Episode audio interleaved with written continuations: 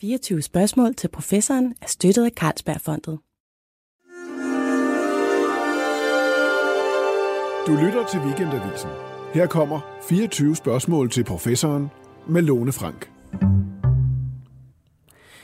Jeg sidder her med en lille, kompakt og meget orange bog foran mig. Øh, titlen den lyder, Hvordan undgår vi, at resistente bakterier slår os ihjel? Og øh, det synes jeg er et meget godt spørgsmål. Det er også et aktuelt spørgsmål. For WHO har peget på, at øh, antibiotikaresistens det er et af de 10 største globale sundhedsproblemer. I 2019 der døde der godt 1,4 millioner mennesker på verdensplan af sådan nogle resistente infektioner. Og den såkaldte O'Neill-rapport fra 2016, den har forudsagt, at hvis vi ikke gør noget ved udviklingen, ja, så vil resistente bakterier i 2050 hvert år slå 10 millioner mennesker ihjel. Det er altså virkelig, virkelig mange. Lige så mange, som slår kræft, som bliver slået ihjel af kræft, stort set. Så i den her udsendelse skal vi især tale om, hvad vi faktisk kan gøre. Og øh, det vil jeg tale med dig om, Hans-Jørgen Kolmos. Velkommen. Tak.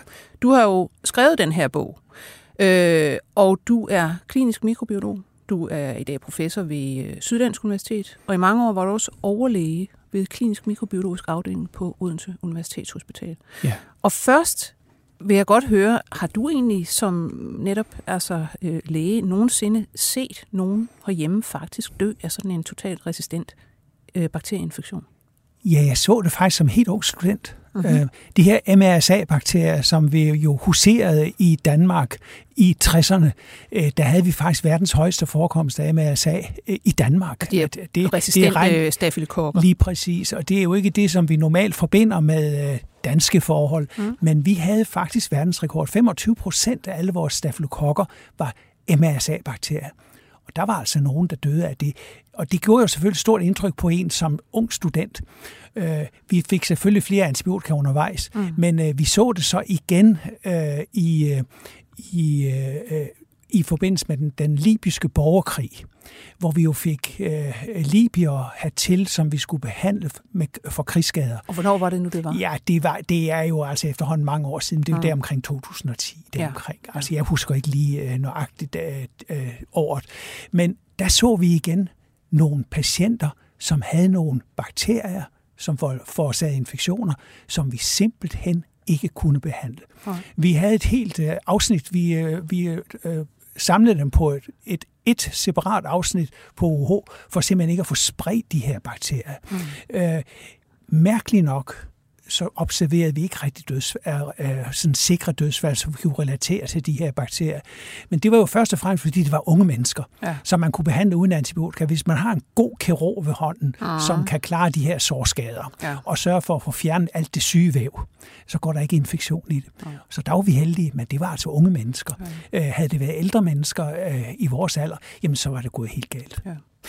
Ved du hvad? Øh, det var tilbage i 2010 eller deromkring, ja, ja. men jeg synes, vi lige skal starte med i virkeligheden et øh, fantastisk øh, og nyligt eksempel på, at resistente bakterier, de kan altså dukke op ud af det blå, og hvor man overhovedet ikke regner med det, og øh, kan komme til at udgøre et problem. Sidste måned begyndte vi jo at tale om dicillin-hændelsen, eller skandalen, hvad man nu vil sige, hvor nogle nye resistente bakterier faktisk øh, spreder sig i befolkningen med penicillin. Ja, det er Den må, den må du lige forklare. Det er jo en fuldstændig vild historie. Ja. Man, øh, man bliver behandlet, fordi man er syg, øh, bliver behandlet med et penicillinpræparat, og så får man herren hjælper overført nogle multiresistente bakterier med den her medicin. Det var ikke selve øh, det antibiotikum, som var inde i tabletten, som Nej. var, øh, som var øh, det smitteførende. Det var faktisk den gelatinekapsel, som var uden omkring øh, antibiotikummet. Og øh, det mener man i hvert fald. Og øh, der var der altså nogle resistente bakterier i, nogle rigtig ubehagelige resistente bakterier. Ja, af fordi de der, forklar dem lige. Det er jo nogen, der man kalder CPO. Lige præcis. Det er, det er jo nogle af dem, som virkelig er de bakterier, som vi virkelig er nervøse for nu, for vi har næsten ingenting at behandle dem med.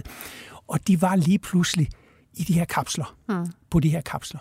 Og hvor er de nu kommet fra? Ja. ja, det er jo bare et eksempel på, at øh, resistente bakterier finder vej overalt. Vi kan ikke, vi kan ikke rigtig være, være sikre nogen steder. De her, de var i gelatinen, formentlig øh, gelatine, der er fremstillet på øh, på dyreprodukter, det er det jo altså. Det er, det er jo dyriske. Altså, altså man, man laver jo gelatine på dyr, på ja. husdyr. Ja. Og øh, om det nu har været svin eller køer, eller hvad det nu har været, de har i hvert fald det har i hvert fald været noget gelatine fra nogle dyr, som har fået rigtig mange antibiotika, og derfor har haft de her resistente bakterier. Det er min hypotese, mm. fordi forløbig har Lægemiddelstyrelsen øh, lagt låg på, på sagen, så vi hører ingenting, men Nej. jeg tror, det er sådan, det hænger sammen. Ja. Men, men øh, interessant nok, de her øh, CPO-bakterier, som det hedder, det er jo, øh, hvad skal man sige, CPO betyder egentlig, at det er nogle bakterier, der kan øh, spalte nogle bestemte typer antibiotika. Ja, de Simpelthen ødelægge dem. Ja, altså det, det er sidste generation af de såkaldte beta-lactam-antibiotika. Altså vi har penicilliner, cephalosporiner og så de her carbapenemer. Mm. Og øh, de her bakterier, de kan altså spalte alle tre øh, klasser af øh, penicillin-lignende præparater. Og øh, hvis det sker, jamen så er vi vanskeligheder, fordi det, ja. de udgør hovedjørnestenen i al vores behandling. Ja. Men så synes jeg, vi skal tage, øh, hvad det hedder, i virkeligheden det her med, jamen, øh, penicillinresistens, eller nej, antibiotikaresistens, som det jo rent faktisk hedder. Øh, hvordan er det, det spredes? Fordi, lad os nu tage for eksempel det her CPO. Altså, det er jo nogle gener, som forskellige bakterier kan have, og som altså kan gøre dem øh, resistente ved, at de kan spalte nogle forskellige antibiotika. Og, og hvordan er det, den slags spreder sig mellem bakterier? Ja, det, det spredes jo på den måde, at altså, der sker hele tiden mutationer i bakterier. Og det er ikke noget, vi ligger søvnløse over, fordi de mutationer, der sker, dem har øh, bakterierne som regel ikke så meget gavn af. Men mindre det er mutationer, som øh, øh, giver resistens over for antibiotika, og, man, og de bakterier, de er i et miljø, hvor der bruges de her med antibiotika, mm. så har du problemet, så får du altså selekteret de her bakterier. Du får altså udvalgt de her resistente bakterier på bekostning af alle de følsomme, som jo, som jo dør ud. Øh, og øh, så vil de der resistente bakterier, de vil altså være dem, der dominerer, og så kan de spredes. Og det, de spredes jo ikke bare sådan øh, ud i den blå luft. De spredes simpelthen på grund af dårlig hygiejne, fordi vi øh, ikke vasker hænder i tilstrækkelig omfang, fordi vi, vi lægger patienterne for tæt på hinanden osv. Alle de der forskellige hygiejnebrist, mm. som vi jo så godt kender fra sundhedsvæsenet, der altså dårlig håndhygiejne, dårlig rengøring osv. Det er den måde, de spredes på. Og derfor så har vi faktisk her en af nøgle, kan man sige, nøgleproblemerne til løsning af problemet. Vi kan se altså, at det gælder om at bruge så få antibiotika som muligt, men det gælder altså også om at have så god en hygiejne som mm. muligt. Så det er antibiotika, målrettet antibiotikabehandling, restriktion af antibiotika og så bedre hygiejne. Men vi kommer tilbage til det her ja. med de forskellige løsningsforslag ja. og hvad man faktisk kan gøre. Men med hensyn til spredning, der er det jo også noget med at sige, at jamen, bakterier er jo hvad skal man sige, ret fascinerende organismer på den måde, at de, mange af dem har deres resistensgener siddende i små kassetter, Præcis. plasmider, øh, som, og... som de kan give til hinanden. Altså værsgo, her har ja, du sidder... også lige en, en kassette med, med penicillinresistens eller noget andet resistens. Ikke? Nu sidder vi to her og smiler til hinanden ja. næsten og glæder os næsten på bakteriernes vegne, og det ja. er jo fordi, vi har en biologisk uddannelse, ja. og, øh, og, og, og forundre sig over, hvor effektivt naturen har, har skabt det her system til at sprede antibiotikaresistens. Ja. For det er nemlig fuldstændig rigtigt. Bakterierne, de har de her resistensgener, som de kan flytte ud på plasmider, som er små øh, cirkulære DNA-stykker, øh, som øh, antager sådan en form for selvstændigt liv inde i bakterien. Mm. Lidt ligesom et virus.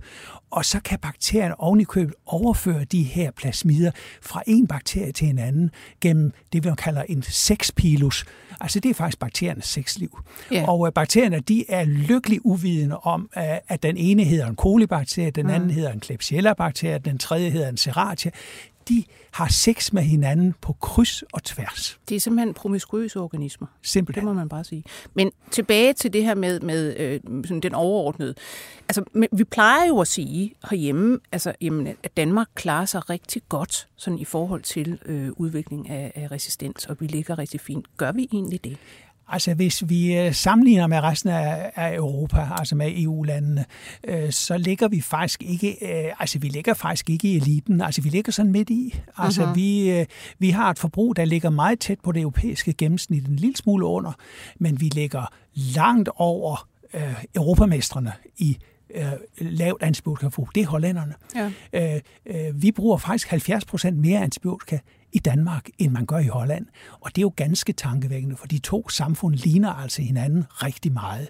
Øh, så i og for sig viser det jo bare, at der er stadigvæk plads til forbedring. Vi har stadigvæk en opgave foran os.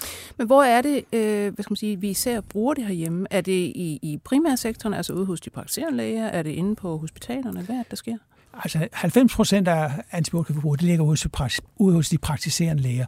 Men det er ikke det samme som at sige, at 90 procent af problemet ligger hos de praktiserende læger, fordi de praktiserende læger bruger først og fremmest øh, penicillinpræparater, og, og man kan sige, de mere uskyldige antibiotika. Øh, på hospitalerne, der bruger vi de 10 procent, men det er til gengæld de virkelig hårdt slående stoffer, som skaber meget resistente bakterier. Så man kan sige, de 10 procent, det er virkelig noget, der batter af noget. Men altså, øh, de praktiserende læger, de administrerer det meste af vores antibiotikaforbrug, og derfor så er de praktiserende læger, de er nøglen til at løse en stor del af problemet. Og man skal, man, sige, man skal faktisk sige, at de praktiserende læger har været rigtig gode til det, for vi har jo en national handleplan, mm. som siger, øh, som, som vi vedtog i 2017, øh, som sagde, at vi skulle øh, reducere antallet af øh, receptudskrivninger med 25 øh, procent. Og det har de praktiserende læger for længst gjort. Okay. De har været rigtig, rigtig dygtige til det. Øh, og, øh, men det er først og fremmest på luftvejsinfektioner. Så vi er faktisk blevet rigtig dygtige til at behandle luftvejsinfektioner, eller rettere ikke behandle de luftvejsinfektioner, som jo for de fleste vedkommende er forårsaget af virus, hvor antibiotika ikke virker. Ja, men der må man også bare sige, altså ja, hvorfor skulle man dog overhovedet pøse øh, antibiotika i folk, uden rent faktisk at sikre sig, at det er en bakterieinfektion? Ja, Undskyld men, mig. Altså, det er jo det der, altså når du nu står fredag eftermiddag med mm. et sygt barn, ja. øh, som har ondt i halsen, som hoster, øh, som måske har svært ved at få, øh, få luft, øh, altså, så bliver du altså blød i knæene, og det gør, det gør alle i sundhedsvæsenet, det skal vi også gøre, fordi altså, vi skal først og fremmest sikre, at vores patienter de får den nødvendige behandling.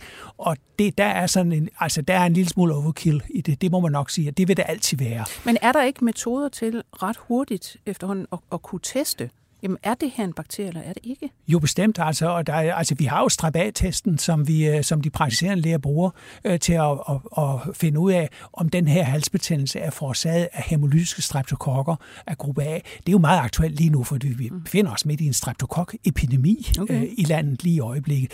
Ja. Øh, så det, det er jo sådan set, altså det er et godt eksempel på, at man faktisk lynhurtigt, mens patienten endnu er i konsultationen, faktisk kan stille diagnosen. Ja. Øh, så er der så mange andre diagnoser, man til gengæld ikke kan stille endnu. Øh, og der er vi jo i et, et udviklingsområde, og, det går hurtigt lige for tiden. Øh, øh, covid-19-pandemien har faktisk en af de få gode ting, som covid-19 har, har, har givet os.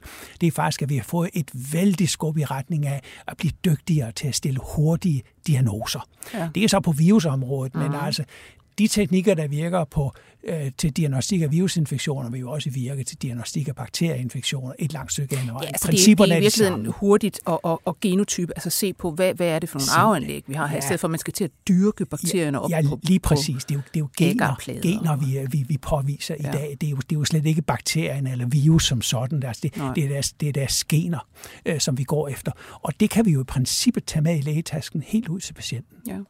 Men Øh, du siger også, eller du skriver i, i din bog øh, noget om, at øh, jamen, det her med, øh, med antibiotikaresistens, det skal vi faktisk ikke bare se på som et problem inde hos øh, hvad der hedder, øh, praktiserende læger og ude på hospitalet. Det er også et miljøproblem.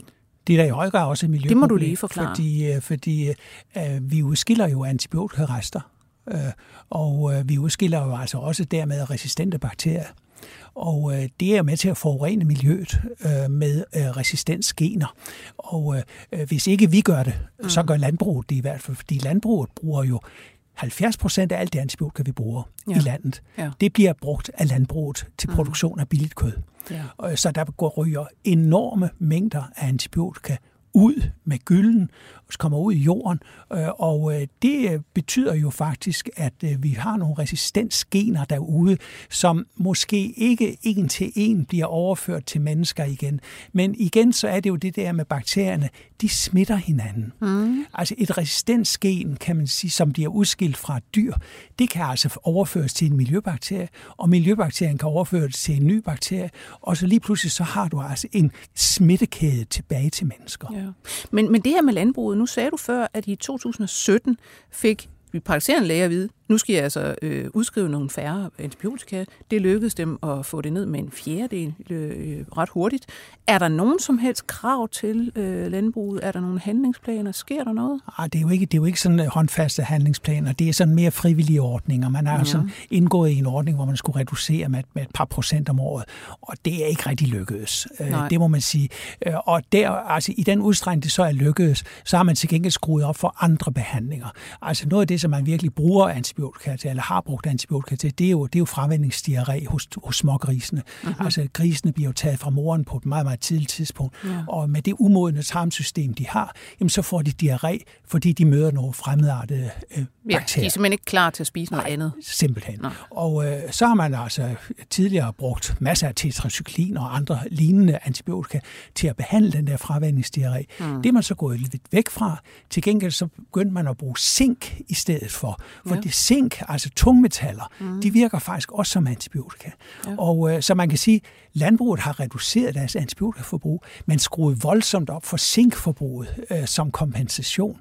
Og nu har det jo vist sig, at det giver en kæmpemæssig miljøforurening. Sådan ja. at EU faktisk jo øh, fra øh, øh 2022 forbød brugen af medicinsk zink for ikke at øh, ødelægge miljøet. Fordi zink, det er jo en miljøgift, som rammer ja. mikrofaunaen ude ja. i vandløber og jord ja. osv. Ja.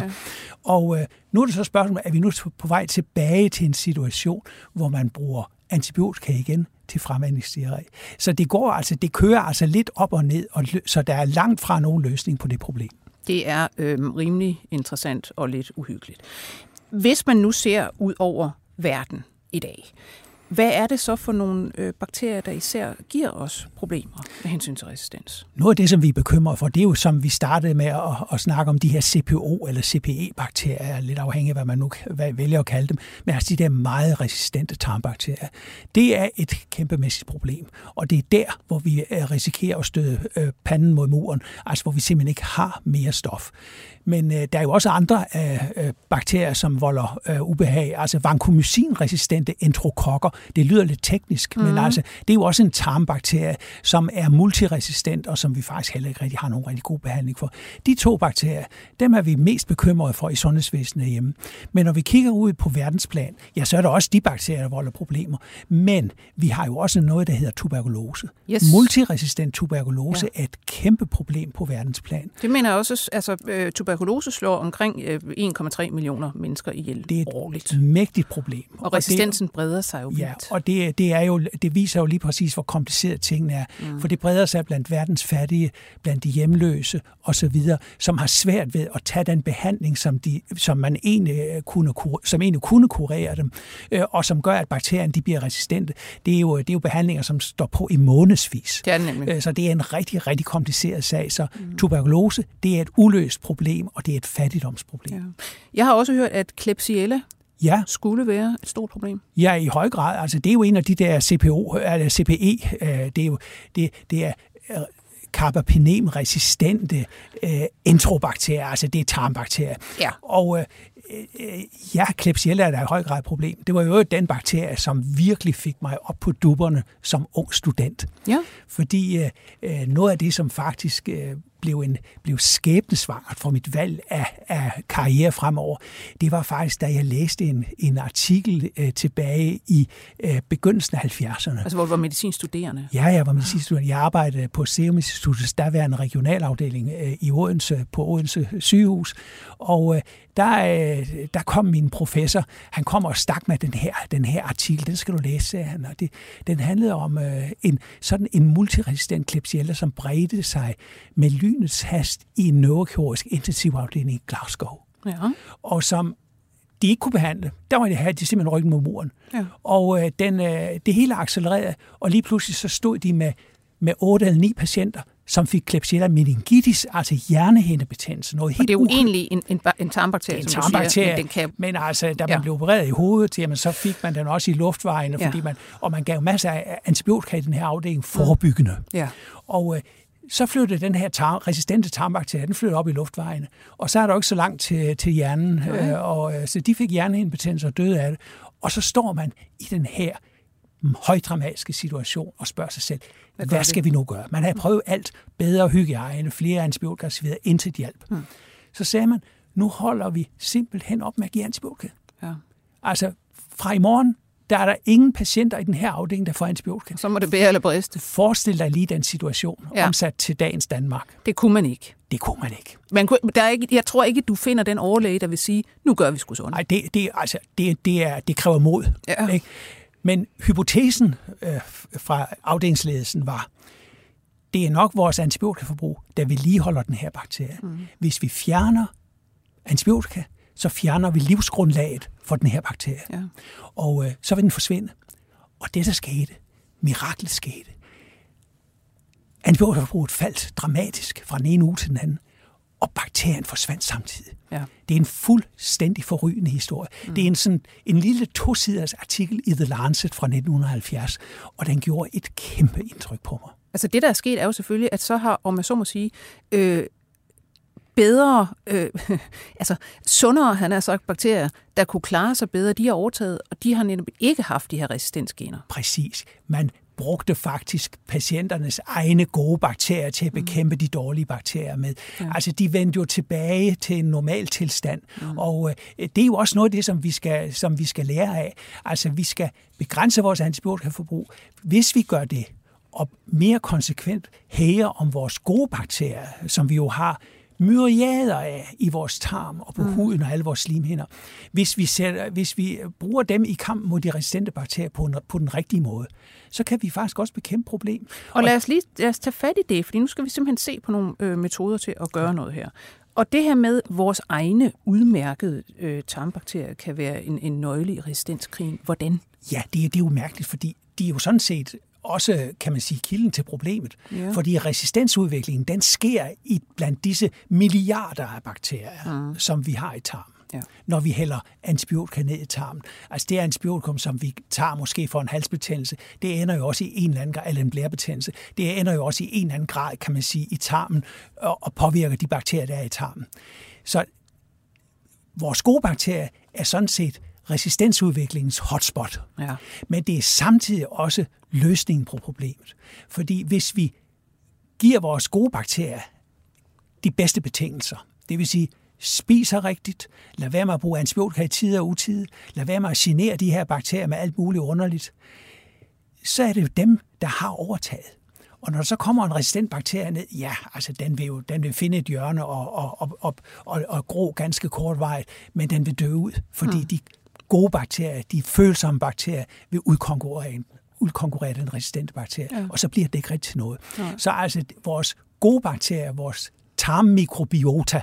Vi kaldte det i gamle dage flora, men mm. bakterier er jo ikke planter. Nej. Nu hedder det, så nu, nu hedder mikrobiota, det mikrobiota, eller mikrobiomet, mikrobiom, når det er generne, man taler om. Ja. Øh, så mikrobiotaen, det er faktisk løsningen. Altså det, mm. er, det er vores værn og skjold imod de resistente bakterier. Men Øh, sjovt nok, så, så kan de også, om jeg så må sige, nogle gode bakterier, faktisk være med til at gøre øh, en god gerning, hvis man spreder dem. Du skriver blandt andet om, at man eksperimenterer med rengøringsmidler, som man simpelthen tilsætter særlige bakterier. Ja. Så man går og spreder nogle særlige bakterier ved rengøringsmidler. Ja, det er jo, det er jo, det er jo fuldstændig vanvittig historie. Ikke? Mm. Altså, det, altså, øh, da, jeg, da jeg introducerede ideen øh, i Odense for vores hygiejnesygeplejerske, så slog de syv kors for os og sagde, nu er han blevet helt skør. Ikke? Jo. Men altså, det var, det var faktisk noget med, det er faktisk noget, man har gjort en del af i Norditalien. Altså, øh, norditalienske hospitaler har arbejdet, altså nogle hospitaler har arbejdet med det her problem. Skab nogle rengøringsmidler, rengøringsmidler, hvor man tilsætter nogle gode bakterier. Hvad er det typisk for nogle? Ja, det er jo sådan nogle bakterier, man finder i støv og jord, altså bacillusarter. Det er, ja. altså, det er sådan nogle sporedannende bakterier. Så man sætter altså bakteriesporer til, til de her rengøringsmidler, og øh, så, øh, så gør man rent, sådan som vi plejer at gøre rent, ikke? Altså, men, men breder i virkeligheden sådan nogle bakteriesporer ud i, i miljøet, og så kan man sige, uha, det var da farligt, ikke? Øh, men det er det jo ikke, fordi det er jo miljøbakterier, som ikke generer mennesker, så de er ufarlige for mennesker. Til gengæld, så fjerner de de resistente bakterier. Ja. Sådan nogle øh, bacillusarter, som, som, som ligger derude i miljøet, de kan faktisk kvæle en, en MRSA-bakterie. Øh, og det er, jo, det er jo ganske interessant, for det er jo igen det der, altså det er, det er kampen imellem, mellem ja, to altså det er i virkeligheden, altså det er biologisk bekæmpelse, det, det er her. I stedet for at hælde midler i, i hovederne på de her øh, forskellige arter, så simpelthen prøver at bruge dem mod hinanden. Ja, det er jo, det er jo, det er jo også det er jo, det er jo en interessant øh, vinkel på mm. hygiejne. Ja. Hygiejne, det, det handler altså rigtig meget om at slå ihjel. Ikke? Jo. Altså at bruge desinfektionsmidler og alt muligt andet til at fjerne bakterier. Men vi kan jo altså, man, kan jo faktisk bekæmpe dårlige bakterier med gode bakterier. Ja. Og øh, det er jo noget, som vi nu, kan man sige, på eksperimentelt øh, plan arbejder med inden for rengøring. Men i virkeligheden, så er det jo også noget, som, som kommer til os nu her, også med, med, med sårbehandling for eksempel, altså kroniske sår. Ja. Der kan man faktisk også, dem kan man faktisk også øh, sætte gode bakterier til, og dermed bekæmpe de dårlige. Og så har vi jo eksemplet over alle, og det er øh, den underartede diarré med Clostridioides difficile. Ja, det er skrækkeligt navn, men altså, det er altså også sådan en spordannende øh, øh, øh tarmbakterie. Den skal, skal man lige sige, den øh, kan være et fantastisk forfærdeligt problem på hospitaler. Frygteligt. Altså, altså og det, og det, den, den, får, altså, den, øh, den laver en meget underartet diarré hos mm. patienterne, mm. som har, patienter, som har fået for mange antibiotika. Ja. Når man får slået sine gode bakterier i stø, i, ihjel, jamen så breder den her bakterie sig på de gode bekostning. Og den udskiller en masse giftstoffer, som påvirker tarmen, så man får i virkeligheden sådan en blodig diarré. Mm. Og patienterne dør faktisk af det. Ja. Det, er, det er en rigtig, rigtig alvorlig infektion. Den kan man så der har vi så brugt øh, antibiotika i nogle situationer. Det virker ikke særlig godt, fordi når man holder op med antibiotika, så vender, så vender det tilbage. Ja. Øh, man kan også bruge øh, probiotiske bakterier, altså lidt ligesom vi, vi har i yoghurt og, ja. og, og alle mulige mælkeprodukter. Det sådan en samling gode bakterier, det, det virker også lidt, men ikke helt godt. Men det, der virker, mm. det er, når du tager afføring, altså en afføringskapsel øh, med regulær afføring fra et sundt individ. Ja. Og så giver du det til den her dødssyge patient. Ja. Og det er jo fascinerende at se. De patienter kommer sig. Ja. Det er fuldstændig forrygende. Altså man kan give det som kapsler, som man spiser. Man kan også lægge en sonde ned i 12-fingertarmen, og så give det den vej. Man kan hælde det op øh, gennem, gennem endetarmen. Men patienterne, de kommer sig. Ja. Øh, øh, det, der er også nogen, der får tilbagefald. Altså lad, lad det være sagt med det samme. Det er, det, det er sjældent 100 procent. Men det, det altså, har betydet også. det helt store gennembrud. Og det er jo ikke bare gode bakterier, vi nu bekæmper dårlige bakterier med. Det er jo et helt økosystem. Ja, fordi det, det er jo netop det. Altså, du tager faktisk, altså, du rekrutterer disse sunde donorer, ikke, på en eller anden jo. måde, altså, og så øh, hvad det hedder, sætter du dem på toilettet, og så øh, ja. hvad det hedder, håber du, at, at alt det, der er i, altså de her øh, tusindvis af forskellige arter, i de forhold, de nu er til hinanden, vil virke hos en helt anden øh, personage. Ja, det, og det er jo det fascinerende. Det er det, mm. man skal som, som læge lige skal vende sig lidt til. Ikke? Ja. Altså her behandler vi med noget, hvor vi virkelig ikke aner, hvad der er i. Ja. For de fleste af de bakterier, som er i den afføringsmængde, øh, alle de afføring, som vi nu giver til patienten, dem kender vi jo ikke. Nej. Vi kan ikke engang dyrke dem. Nej. Øh, så vi må, bare, vi må bare acceptere, at sådan er der altså, men det virker. Det er sjovt. Det er, det er jo, man kan sige, det er i hvert fald et biologisk produkt, det der. Det er et biologisk produkt. Et andet faktisk biologisk produkt, som også er ganske glimrende på mange måder i forhold til øh, at, at, at gøre noget ved bakterieinfektioner, det er det, der hedder bakteriofager, som er øh, naturlige virus, ja. som simpelthen lever af bakterier. Bakterievirus? De, de, ja. Og der vil jeg bare sige, det, det synes jeg, vi skal øh, området, vi lige skal prøve at få lidt ud, for det er sindssygt fascinerende. Jamen, det altså, er da vanvittigt fascinerende, og det, det, og det er som sædvanligt med, med al biologisk behandling, så er der masser af ekstra øger i den ligning, ikke? men altså, det er da dybt fascinerende. Altså, bakterier, de har virus, mm. som slår bakterierne ihjel. Ja. Bakterievirus, bakteriofager. Mm. Og dem kan vi faktisk udnytte til at behandle ikke bare infektioner, men også infektioner med resistente bakterier. Det er jo en gammel, øh, kendt behandling, altså, som i virkeligheden går tilbage til øh, det gamle Sovjetunionen, altså blev udviklet i 20'erne øh, og overlevede faktisk under den kolde krig bag jerntæppet som en, en anden, en alternativ behandling til antibiotika. Altså jeg skal lige sige, jeg var, sidste år, øh, hvor jeg faktisk skrev om det, der var jeg i øh, Georgien, fordi at Øh, det blev faktisk, de her blev udviklet øh, til i en meget høj grad i netop i Georgien, i Tbilisi, i hovedstaden, ja. altså af Eliava, som han hed, øh, Georgi Eliava, som øh, hvad det hedder, fik opbygget der under Stalin. Øh, han fik et stort institut, han fik opbygget et kæmpe bibliotek, som det hedder, med altså tusindvis af de her forskellige bakterievirus, som man bare kan gå ud og isolere fra. Altså, hvis man går hen et sted, hvor der er møgbeskidt og masser af bakterier, så er der også masser af bakteriofager. Ja. så kan man isolere dem, man kan sætte dem i sit bibliotek, så kan man tage dem ud og, og hælde dem, øh, opformere dem og hælde dem over nogle bakterier, som man gerne vil slå ihjel. De er meget specifikke, så det er ikke sådan, at de bare slår alt ihjel. De slår en bestemt bakterie ihjel, eller måske to.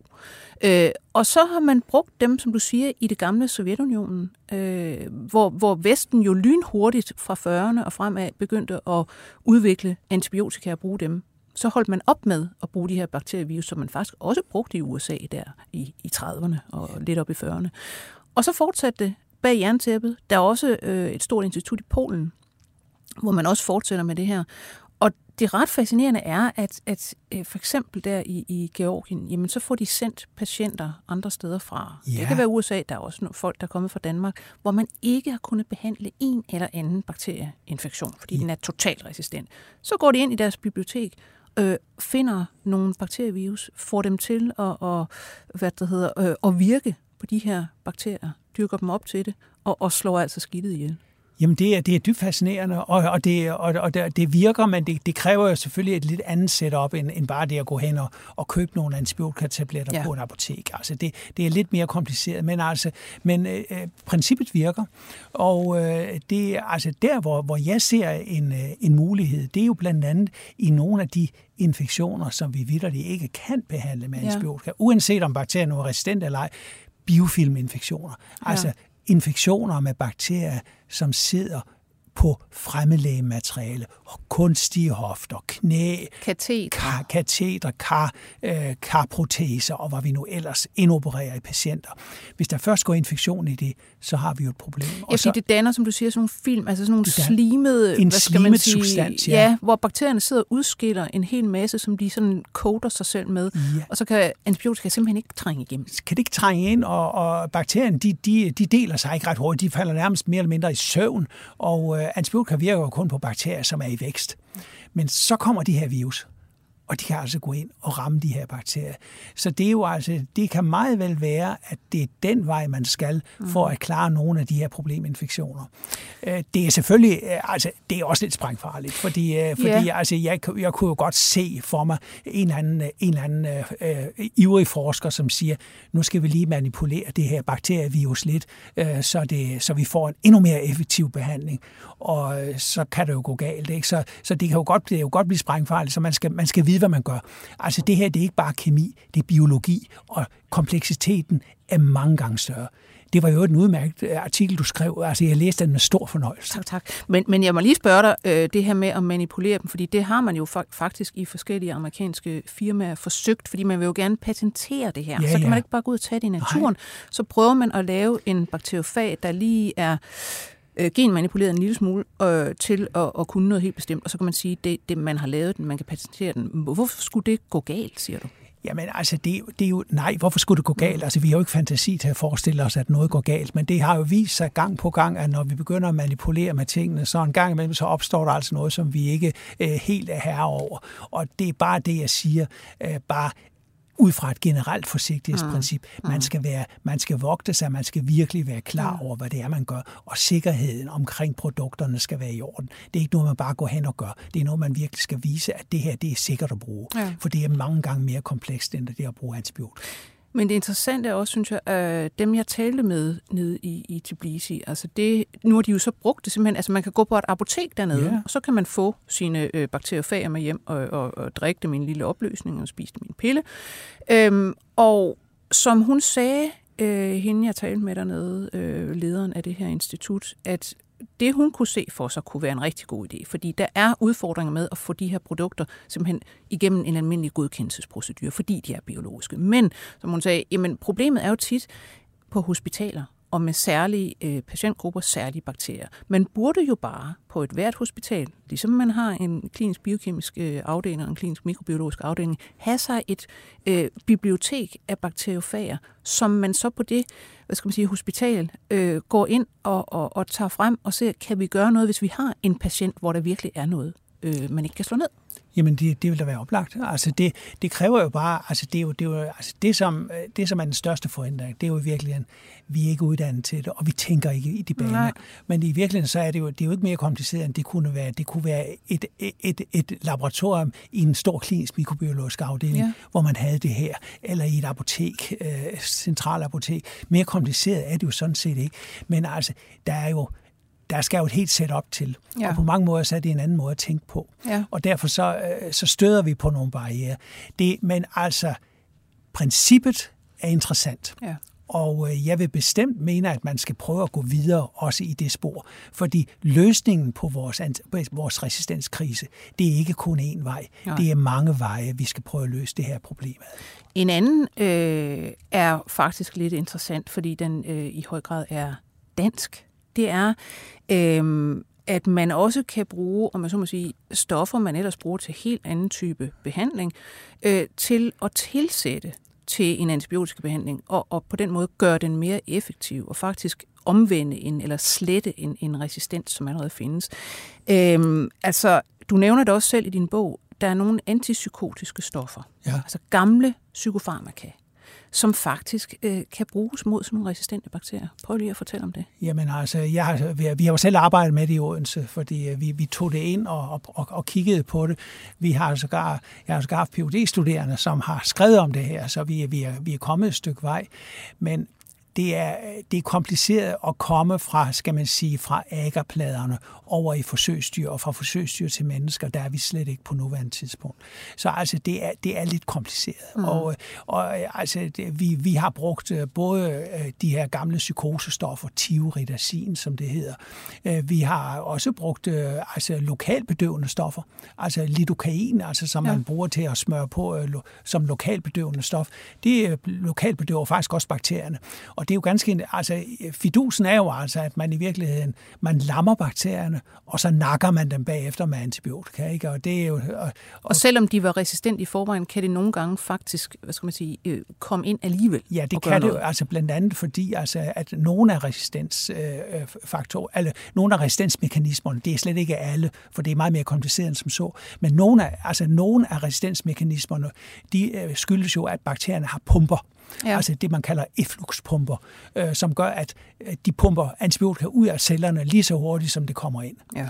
Hvis vi nu kan gå ind og lamme pumpen, fordi vi lokalt bedøver bakterien, ja. Så hænger den på den. Ja. Øh, og det, så, så det er i hvert fald et billede på det, men det er mere kompliceret. Det er også noget med opregulering af gener og så videre.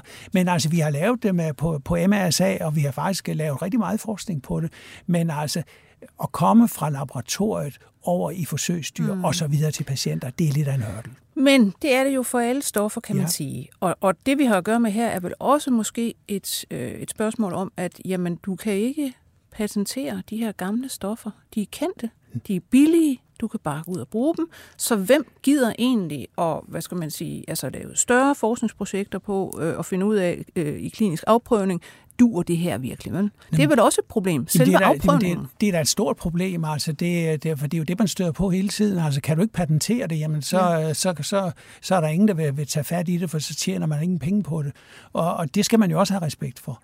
Øh, det er, fordi det er jo ikke bare lige at gøre. Oh, altså, det er jo noget, der, altså det kræver jo øh, et vældigt setup af sikkerhed og afprøvninger osv. Altså afprøvninger er kolossalt dyre. Ja. Simpelthen. Altså.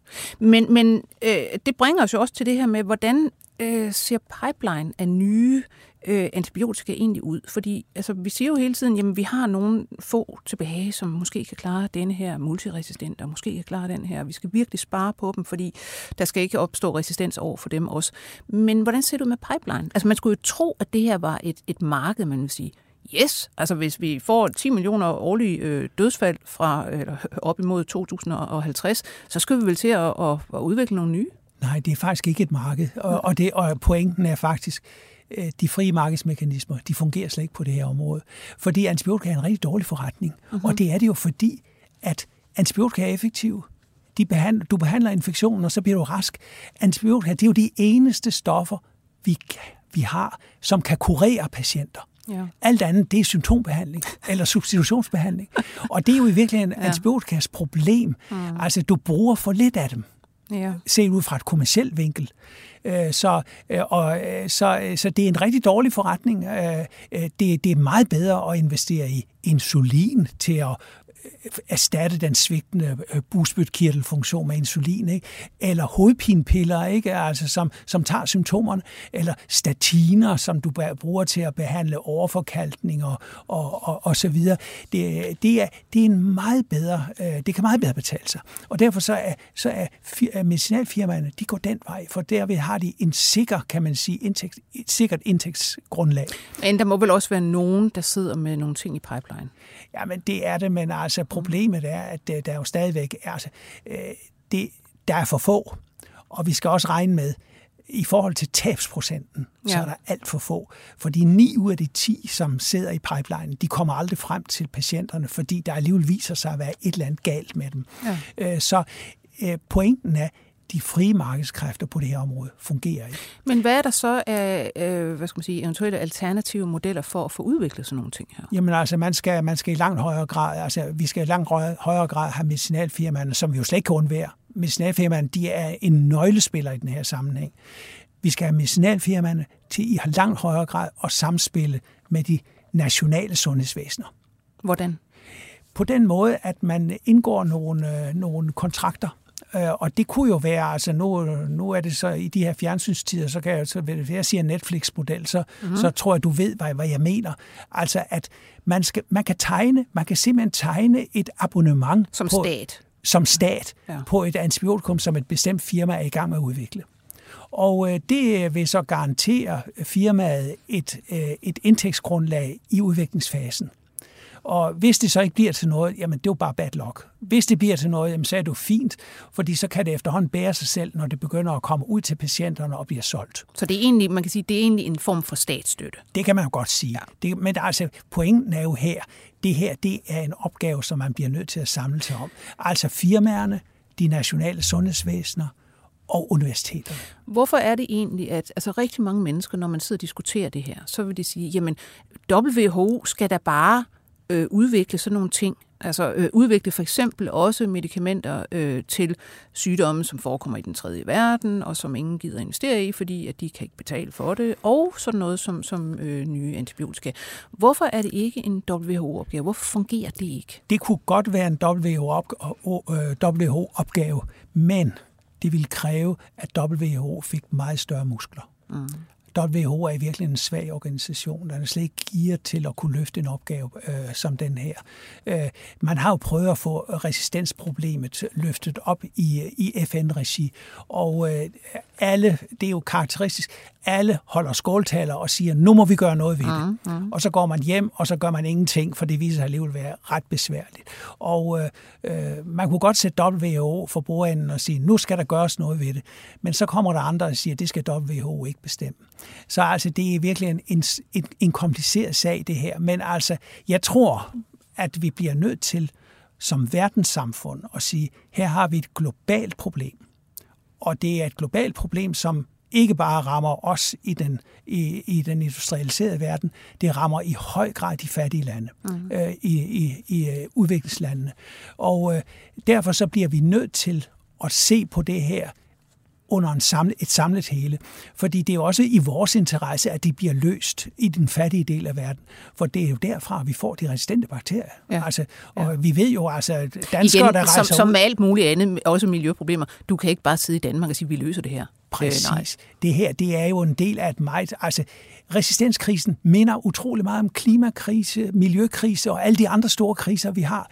De skal løses på overnationalt niveau, hvis man, skal, hvis man virkelig skal komme, øh, komme et stykke vej. Det er ikke det samme som at sige, at vi ikke kan gøre noget hver især, for det kan vi faktisk godt. Men så synes jeg også, at vi øh, her til aller, aller sidst, altså ligesom når vi taler klimakrise, biodiversitetskrise osv., så taler vi jo også altid om, hvad kan den enkelte faktisk gøre? Altså mindre CO2-aftryk, øh, lad være med at flyve, lad være med at spise kød. Alt det her, som vi nu finder på. Er der egentlig noget, det enkelte menneske kan gøre i forhold til at forhindre udvikling af øh, antibiotikaresistens? Ja, det er det der, men altså, det skal jo ses i sammenhæng med, altså givet det her, det skal løses overnationalt, mm. det skal løses strukturelt. Ja. Altså, så det er, jo, det er jo det, der skal bæres igennem. Men mens de øh, politikerne nu sidder og forhandler, så kan vi andre jo godt gøre noget. Og vi kan alle sammen gøre noget. Vi kan for eksempel sige til os selv, hvordan er det nu lige med vores hygiejne? Mm. Altså, det, er vi nu så gode til det med hygiejne, som vi tror, vi er? Vi fik, jo, vi fik det jo virkelig lært på den hårde måde under covid-19. Men vil du sige, at vi skal blive ved med at gå og spritte af? Jamen altså, i hvert fald skal man vaske hænder, om ikke andet som med sæbe og vand. Det er altså, ja, altså i virkeligheden så, så kan man sige, at jeg er ikke sådan den store begejstrede sprit, øh, øh, afspritter, øh, men øh, sæbe og vand, det er stadigvæk en god ting. Øh, så altså, vi skal huske, at der er noget, der hedder hygiejne. Håndhygiejne, rengøring af vores, øh, vores miljøer. Øh, og det er ikke bare på hospitalerne og på institutionerne, det er virkelig også derhjemme. Altså, og så skal vi altså sørge for, at øh, ventilationen er i orden. Vi, vi har jo også lært det på den hårde måde under covid-19-pandemien, at øh, øh, virus spreder sig med aerosoler. Så vi skal blive meget dygtigere til også at, og kan man sige, at, at sikre, at vores ventilationsforhold de er i orden. Alt det der, mm. det skal virke. Og det kan vi, det kan vi sagtens, det kan vi, jo, det kan vi jo gøre uafhængigt af, om politikerne de gør det ene eller andet. Og så skal vi sige til os selv, altså okay, nu fik jeg en, øh, nu fik jeg en infektion, og jeg går til læge, og øh, skal jeg ikke have antibiotika for det her? Og der skal man nok sætte sig ned og så lige og tænke godt og grundigt igennem, er det nu faktisk, er det nu faktisk nødvendigt her? Øh, og øh, øh der er jo to løsninger der, ikke? Man kan sige, vi skal i hvert fald tænke på i retning af diagnostik, for det er bakterierne, vi behandler, og ikke så meget patienterne. Mm. Det er jo virkelig bakterierne, vi skal slå ihjel. Så altså diagnostik. Og så, og så skal vi jo også tænke på at udskrive recepter, måske op til en weekend, øh, de der recepter, som øh, kan man sige, du kan indløse den de næste, altså med en vis forsinkelse. Se, se lige an, om ikke det går over. Hvis, du, hvis det ikke går over, så har du altså nu her din sikkerhed øh, i form af en recept, som du kan indløse senere. Altså den type af diskussioner skal vi være dygtigere til at have med vores læge. Plus, at vi vil også hver især skal tænke på, hver gang vi tager antibiotika, så smadrer vi fuldstændig vores mikrobiom. Altså, ja. jeg har set mit eget mikrobiom øh, gensekventeret efter sådan en gang øh, penicillin. Og det ser virkelig ikke godt ud. Det, det er godt. ikke sundt. Heldigvis er så hvis man kan blive fri, så er det altså bedre. Ja, heldigvis er mikrobiomet øh, forholdsvis robust, så det, det går nok alligevel. Men du har fuldstændig ret, vi smadrer mikrobiomet. Og sidst, men ikke mindst, mm. så kunne vi da godt overveje, om ikke vi skulle spise lidt mindre kød. Det kan jo faktisk godt lade sig gøre. Man lever ganske udmærket som vegetar. Man kan, om ikke, hvis, hvis ikke man vil være vegetar, så kan man da i hvert fald reducere sit kødforbrug med mindst halvdelen. Altså, øh, vi spiser jo alt for meget kød i Danmark, og det er faktisk virkelig et sundhedsproblem. Jamen, øh, det vil jeg så lade blive de sidste ord, og så kan man jo sidde og, og, og tænke over det derude. Tusind tak, Hans-Jørgen Kolmos, fordi du kom. Selv tak og du er jo klinisk mikrobiolog og professor ved Syddansk Universitet. Producer i dag var Simon Arby Schmidt. Jeg hedder Lone Frank. På genhør. 24 spørgsmål til professoren er støttet af Carlsbergfondet.